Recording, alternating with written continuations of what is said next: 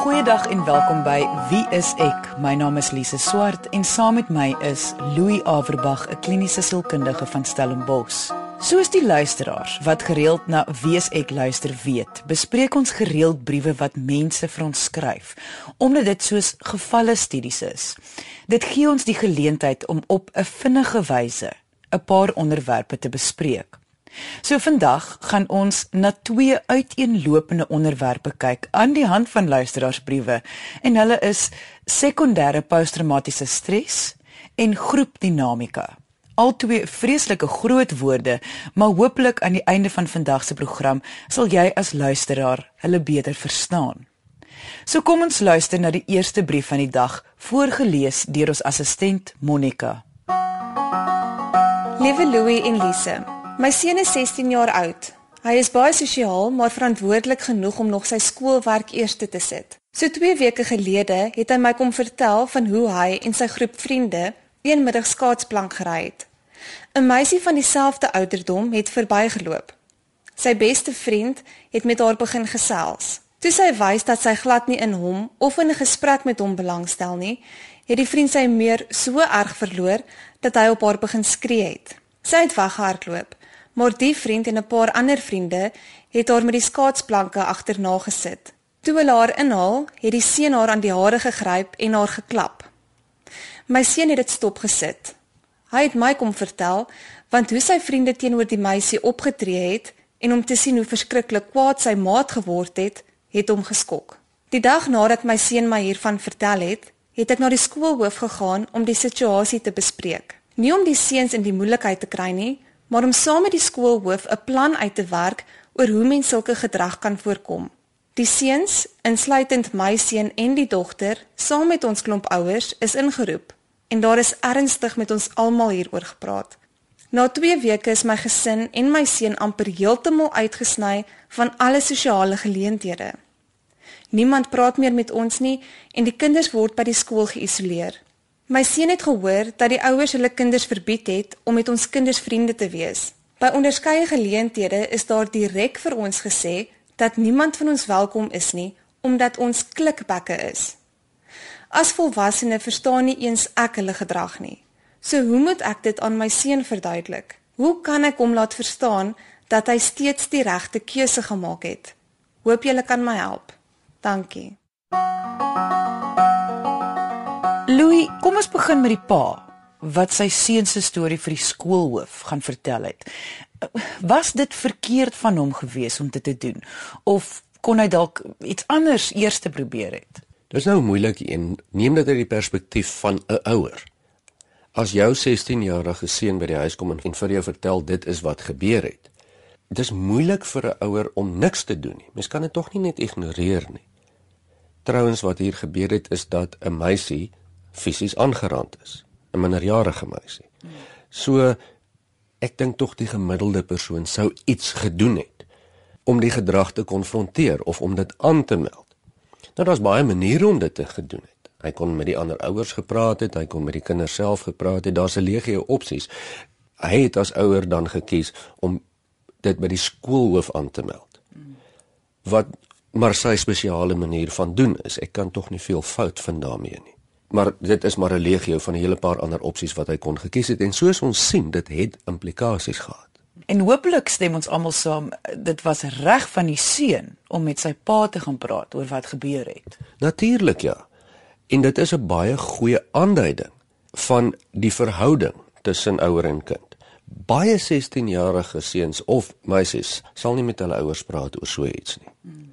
En dit is tog die doel wat ons wil hê as ouers dat as so iets met ons kinders gebeur, want hierdie is 'n ontstellende lewensgebeurtenis vir hom as seun moet geen fout maak nie. Dat jy dit met jou pa kan bespreek of met jou ma kan bespreek, dit beteken nie jy klik nie of jy dra nuus aan nie. Maar dis 'n ernstige ding met wie moet jy dit kan bespreek dan? Op hierdie punt ek het ook gedink die feit dat die pa ook uh, nie enigsins geskryf het daaroor dat die seun enigsins kwaad vir die pa is omdat hy skoolhoof toe gegaan het het ook vir my gewys hoe 'n goeie verhouding hulle het dat die seun sy oordeel vertrou het. Ja dit wys hoe hulle 'n goeie verhouding het. Die gedrag van die ouers wat vir hulle kinders sê hulle mag nie meer vriende wees met die betrokke seun nie en om die skrywer se gesin wel af te skryf. Is dit algemene gedrag? Want dit voel normaal vir my of algemeen onder kinders om dit te doen, maar nie vir volwassenes nie. Nee, hier is 'n baie normale proses wêreldwyd en dit is een van die groot aspekte wat ons mense maak, is hoe ons in groepe optree. As ons dan van groepdinamika praat. En hierdie is die tipe insidente wat daar wat daartoe kan lei dat mens onmiddellike ons en hulle tipe verwydering kry. En dit is groepdinamika. Deel daarvan, waar daar 3 of meer mense bymekaar is, word daar 'n stel reëls outomaties bepaal. Hoe ons met mekaar is, wat is die stel reëls? Ons doen sekere goed. Sekere goed is aanvaarbaar, ander goed is nie aanvaarbaar nie. Of dit nou binne 'n klein gesin is, 'n groter familie, tussen 'n hele groep mense van 'n werksplek is of 'n hele land se burgers daar is maniere wat die stelsel homself handhaaf. En wat mens dan moet verstaan is dat elke stelsel, hoe klein dit ook al is, het sy eie stelletjie reëls. En die persoon wat dit breek, word dan 'n sondebok. Altyd. Byvoorbeeld, as die norm is in 'n sekere gemeenskap dat ons hanteer dinge onder mekaar, ons klik nie. Reg of verkeerd, as dit die norm is en iemand gaan breek nou sogenaamd hierdie reël, soos gaan na die skoolhoof toe of na die polisie toe of wat dit ook al is. Dan eh, dan word dit 'n geval van aha. Jy sien, hulle werk teen ons. En daai splitsing kom en dit is dan wat mens kry op klein vlakke waar groepe teen mekaar draai, individue teen mekaar draai of op 'n baie groot vlak soos wat tans in ons land besig is om te gebeur, groeperings wat teen mekaar staan en mekaar beskuldig. Die groot uitkoms van so 'n proses is altyd wantroue, aggressie, aannames, ons vertrou hulle nie want kyk wat maak hulle en wat dink hulle nou weer en wat is hulle bedoelings amper soos 'n lang uitgerekte oorlogie en strategie. En dit is ongelukkig 'n baie baie algemene menslike patroon wat geskied sodra daar drie of meer mense bymekaar is as mens nie pas op nie. So wat jy sê is, wat baie keer soos dit maar is met briewe, ons het net een kant van 'n storie. Dat hierdie kan heeltemal waar wees. Hierdie situasie is 'n groot moontlikheid van soos jy nou die groepdinamika verduidelik het. Hierdie is een van daai gevalle. Die pa het iets gedoen saam met sy seun. Albei het gaan vertel wat gebeur het en die ander ouers het teen hom gedraai. Dit is 'n klassieke uitbeelding van groepdinamika. Dis 'n klassieke uitbeelding daarvan en onmiddellik het ons dan nou etiketerings wat daarmee saamgaan. Hulle is dan nou die oneerlikes of die bullies wat toelaat dat meisies aangeval word en die ander party is dan nou klikbekke of leenaars of wat ook al geetiketeer word en daar het ons die ons versus hulle en ons sien dit wêreldwyd dat dit eintlik 'n baie klein vonkie vat om onmiddellik aparte groeperings te vorm.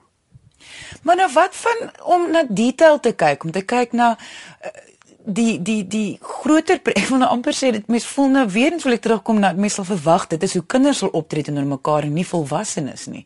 Maar dit voel vir my soos jy dit nou opgesom het hoe die twee partye mekaar sal sien. Ja, ons kan verstaan dat hulle dit so sien, maar volwassenes moet tog kan besef daar is 'n groter prentjie. Wel teoreties is jy reg, maar in praktyk kan ons maar net kyk wat rondom ons gebeur wêreldwyd.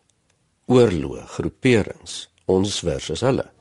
Dit is ongelukkig die volwassenes wat hierdie voorbeelde stel. Jy luister na Wie is ek met Louie en Lise op RSG 100 tot 104 FM. As jy nou weet hoe groepdinamika werk. Ek bedoel wat dan? Wat help dit om 'n naam aan 'n situasie te sit? Wel dit help eerstens om dit minder persoonlik te maak. En hierdie is altyd die groot gevaar wat juis hier hierdie ons versus hulle vererger. Hierdie is menslike gedrag oor die algemeen. Dis 'n uitbeelding daarvan. Dit is nie regtig persoonlik nie. As dit 'n ander seun was wat wat ook so sou opgetree het, sou die groep teen hom ook gedraai het. Hmm. Nee. En dit maak dit nie noodwendig makliker nie.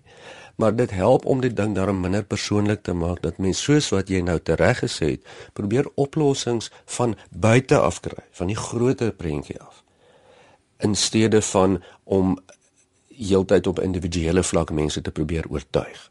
Kan die pa iets doen om die situasie te beredder, soos om met die ouers te gaan praat. Maar presies wat jy nou verduidelik, ek neem ek aan indien dit 'n opsie is, sal dit nie gaan oor ja, maar julle het nie vir julle seuns getugtig omdat hulle 'n dogter aangeval het nie of so iets en dan weer andersom gekeer dat jy weet as as hulle wel 'n gesprek het dat die ander ouers nie kom ja, maar jy het gaan klik nie.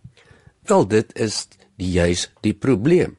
En of jy dit nou sien in die lig van hierdie pa wat met die ander pa of ma moet gaan gesels as 'n poging of met lande wat met mekaar vredesooreenkomste probeer vorm.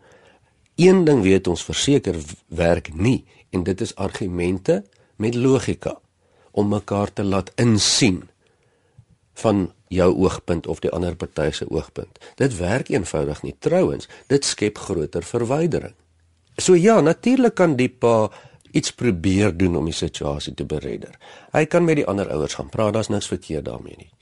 Wees versigtig hoe jy dit doen. Ek sou eerder 'n baie oop benadering vat in steede van 'n verduidelikings en argumente. En sê maar luister, hier is ons. Ons is nou uitgeskuif deur die gemeenskap. Uh hoe wat kan ons maak om hierdie ding te beredder? As dit beredderbaar is. Partymal gaan hierdie dinamika soos veldbrand so vinnig dat dit amper onberedderbaar is. Dit hang baie af van nou die spesifieke omstandighede van van die mense die gemeenskap wat ons nou nie weet nie. Ek verstaan hoekom die pa ontsteld is, want dit is waar dat al wat sy seun nou sien is dat sy eerlikheid sy vriendskappe gekos het. So wat kan die pa vir sy seun hieroor sê? Ek dink wat die pa mee kan help hier is is om te help verduidelik dat dit nie persoonlik is nie. Met ander woorde, dit gaan nie regtig oor die seun nie. Dit gaan hier oor menslike gedrag oor die algemeen. Dit is wat mense doen. En hier is die lewensles in vir die seun wat die pa hom nie teen kan beskerm nie. As jy versekerde van jou beginsel staan, dan is daar baie keer 'n baie groot prys om te betaal. En partymal is dit hoe dit is. Jy kan nie daar verbykom nie. So Louis, wat sou jou antwoord vir die skrywer wees? Eerstens, amper al vir gelukwensing met die goeie manier wat jy jou kind grootgemaak het. Dis tog regtig goed dat hy opgestaan het vir hierdie gedrag. Tweedens dan dat daar nie noodwendige oplossing vir die situasie is nie, omdat hierdie algemene menslike groep gedrag is. Dis nie spesifiek op jou of op jou seun gemik nie. Dit gebeur in elke dorp en elke gesin en elke gemeenskap en elke land gebeur dit. En die oplossing hiervoor as daar ooit een is, gaan maar wees om jou kop hoog te hou hierso, openlik met almal te kommunikeer, want jy het eintlik niks om voor skaam te wees nie. En te kyk waar die kritiese massa weer terugkom na jou toe van die ondersteuning want dit sal. Dit sal definitief. Ons bespreek vandag 'n paar uiteenlopende onderwerpe aan die hand van luisteraarsbriewe. Onthou, indien jy na enige Wie is ek episode weer wil gaan luister, kan jy dit doen deur RSG se webwerf. Dit is rsg.co.za. Klik net op potgooi.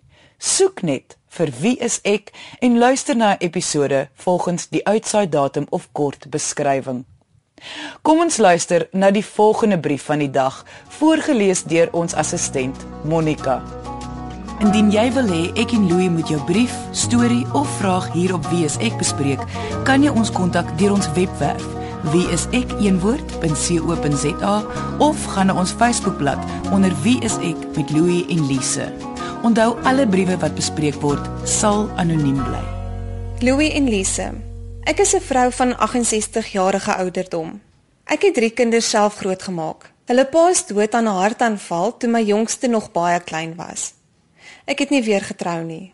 Ek was nog altyd trots op myself dat ek die lewe aangepak het sonder 'n bang haar op my kop. Die afgelope jaar het ek al hoe slegter begin slaap, bietjie meer gespanne as gewoonlik geraak en by sekere tye hartseer gevoel. Ek luister gereeld na julle program en besluit toe dit is tyd om 'n psigiater te sien om weer beter te voel. Hy het my lank uitgevra oor verskillende areas van my lewe en aan die einde van die twee sessies het hy my gediagnoseer met sekondêre posttraumatiese stres. Deur my antwoorde en sy vrae het dit uitgekom dat as gevolg van my ouderdom, my dogter wat 'n jaar gelede na huis aangeval is en die land waarin ons woon, is ek konstant bekommerd oor my veiligheid, iets wat ek nooit was nie. Ek het medikasie gekry wat 'n groot verskil gemaak het, maar ek wil graag meer weet oor sekondêre posttraumatiese verstoring. Kan julle dit dalk op julle program bespreek? Dankie. Louis, verduidelik vir ons wat presies is sekondêre posttraumatiese stres. Om dit te verduidelik moet ons net eers mooi verstaan wat is posttraumatiese stres of 'n posttraumatiese stresversteuring as 'n diagnose. Dit beteken dat die persoon wat daaraan ly moet blootgestel gewees het aan 'n insident, 'n fisiese insident waar hy of sy se lewe bedreig was of iemand na aan hom of haar se lewe bedreig was of se fisiese veiligheid in groot gevaar was of integriteit. Die kern hiervan is daar moet regtig iets fisies gebeur het. En die postdeel daarvan na die tyd ontwikkel jy dan 'n angsversteuring. En dis waar die woord posttraumatiese stres vandaan kom. 'n diagnose. As mens praat van sekondêre posttraumatiese stres, verwys ons na dieselfde simptome wat iemand het, maar wat nie aan 'n spesifieke insident blootgestel was nie, maar dit beleef amper half deur die oë van iemand anders of as gevolg van wat met ander mense gebeur het. En dis waar die sekondêre deel dan aankom. Jy was nie self daar nie, maar jy beleef dit asof jy self daar was. So in die skrywer se geval sou dit gewees het soos byvoorbeeld haar dogter wat 'n jaar van tevore aangeval is. Ja, sy is met ander woorde op hierdie stadium besig om die insident te beleef soos wat sy dink haar dogter dit beleef het. Is sekondêre posttraumatiese stres 'n diagnose soos wat posttraumatiese stres is? Nee, dit is nie 'n algemene aanvaarbare diagnose nie. Maar dit is definitief 'n proses wat voorkom. Dis 'n beskrywing van 'n toestand wat dan op die einde van die dag presies net soos posttraumatiese stres is. Dis bietjie van 'n moeilike een op hierdie stadium in terme van diagnose. Omdat sekondêre posttraumatiese stres nog nie regtig gesien word as 'n diagnose op sy eie nie. Jy sê die simptome is baie dieselfde as posttraumatiese stresversteuring. Myns insiens is dit presies posttraumatiese stresversteuring en die rede hiervoor is dat mense realiteit, dit wat jy ervaar, is in jou kop. Ons moet baie mooi verstaan. Dit is nie die insident wat mens traumatiseer nie. Dis jou herlewing van die insident. En 'n herlewing van 'n insident gebeur in terme van prentjies, klanke, gevoelens, reuke en en en sintuiglike uh, waarneming. Dis al hoe ons kan dink. En dit word dan mense realiteit. Kom ons vra vir Monica om ons net weer te herinner wat die simptome van posttraumatiese stres min of meer is. Monica? Wel, Lise, wanneer 'n persoon diagnoseerbaar is met posttraumatiese stresversteuring, speel die volgende simptome 'n rol: konstante rusteloosheid, moegheid of uitputting, sukkel om te konsentreer. Meer as gewoonlik is die persoon geïrriteerd met situasies en of met die mense om hulle. Spiersamentrekkings. Jou lyf voel meer styf en seer sonder dat daar 'n voor die hand liggende rede is. Die persoon vermy emosionele bande met familie, vriende en kollegas en die persoon kan sosiaal heeltemal onttrek. Die persoon bly weg van dinge wat hulle aan die trauma herinner, reuke of klanke, plekke, mense of aktiwiteite. Die belangrikste simptoom is terugflitsse na die traumatiese gebeurtenis. Dit kan in die vorm van skielike pynlike aanslae van emosies en gedagtes voorkom. Emosies soos hartseer, woede of vrees kan ontlok word. Die herinneringe kan skielik opkom en so duidelik wees dat die individu voel asof hy of sy die trauma opnuut beleef. En die luisteraar moet hierdie ding mooi verstaan. As die klanke en prentjies wat in jou kop is traumaties is, maak nie saak hoe dit daar gekom het nie. Dan is dit jou realiteit en dis waarop jy reageer, nie op die insident wat gebeur het nie, op jou interpretasie van die insident. En hierdie simptome is presies dieselfde of jy dit primêr of sekondêr ervaar. Dink gou mooi hieraan luisteraars wat al ervaar het dat hulle kinders weg is vir 'n uur of 2 of 3 of 'n troeteldier wat verdwyn het of iemand naby aan jou waarmee daar iets verskriklik slegs of traumaties gebeur het. Dink gou mooi wat gaan deur jou kop. Hoe angstig word jy oor die beelde en die prentjies en die klanke wat in jou kop ontstaan oor wat jy dink of wat jy weet besig is om te gebeur op die oomblik. Dan sal jy verstaan hoe sekondêre posttraumatiese stres heeltemal moontlik is. Die skrywer vertel hoe die psigiater vir haar medikasie voorgeskryf het. Is dit so ernstig dat jy medikasie moet gebruik? In baie gevalle ja, posttraumatiese stres of dit sekondêr of primêr is, sit in mense se lyf éventueel. Dit is 'n angstoestand. En 'n angstoestand het 'n massiewe uitwerking op jou lyf se autonome senuweestelsel. En in erge gevalle kan mens amper nie oor hierdie ding kom as jy nie medikasie gebruik wat jou lyf aanval nie.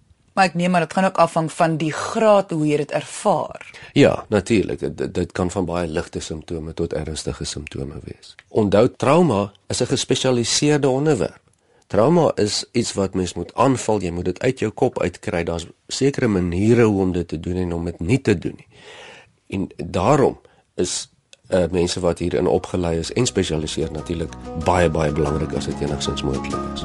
Jy luister na Wie is ek met Louie en Lise op RSG 100 tot 104 FM. Wanneer jy sê enige iemand kan dit ontwikkel of ervaar, hoekom weet ons nie meer hiervan nie? Ek bedoel, dis mos nou iets wat ons Suid-Afrikaners juis van moet weet Omdat ons daagliks deur die media en in ons persoonlike lewens gereeld met gruisame verhale gekonfronteer word. Natuurlik. En kyk, dit is al geruime tyd, al vir baie jare algemeen onder gesondheidswerkers en en die beskermingsdienste in Suid-Afrika en ook wêreldwyd, jy brandweer, paramedici, polisie, gevangenes, ambulansdienste ensovoorts heel algemeen dat daar 'n groot besef is dat baie van hierdie mense sit met sekondêre vorms van posttraumatiese stres en daar is prosesse in plek gesit om hulle te probeer help daarmee en te voorkom dat dit gebeur, nê. Nee. Maar in ons land spoel die trauma oor alle vlakke heen. Dit is nie net die polisie, die weermag en die paramedici wat hiermee te doen het nie. Dis meeste van ons landburgers omdat die misdaad so totaal uit beheer uit is en geweldsmisdaad so totaal uit beheer is.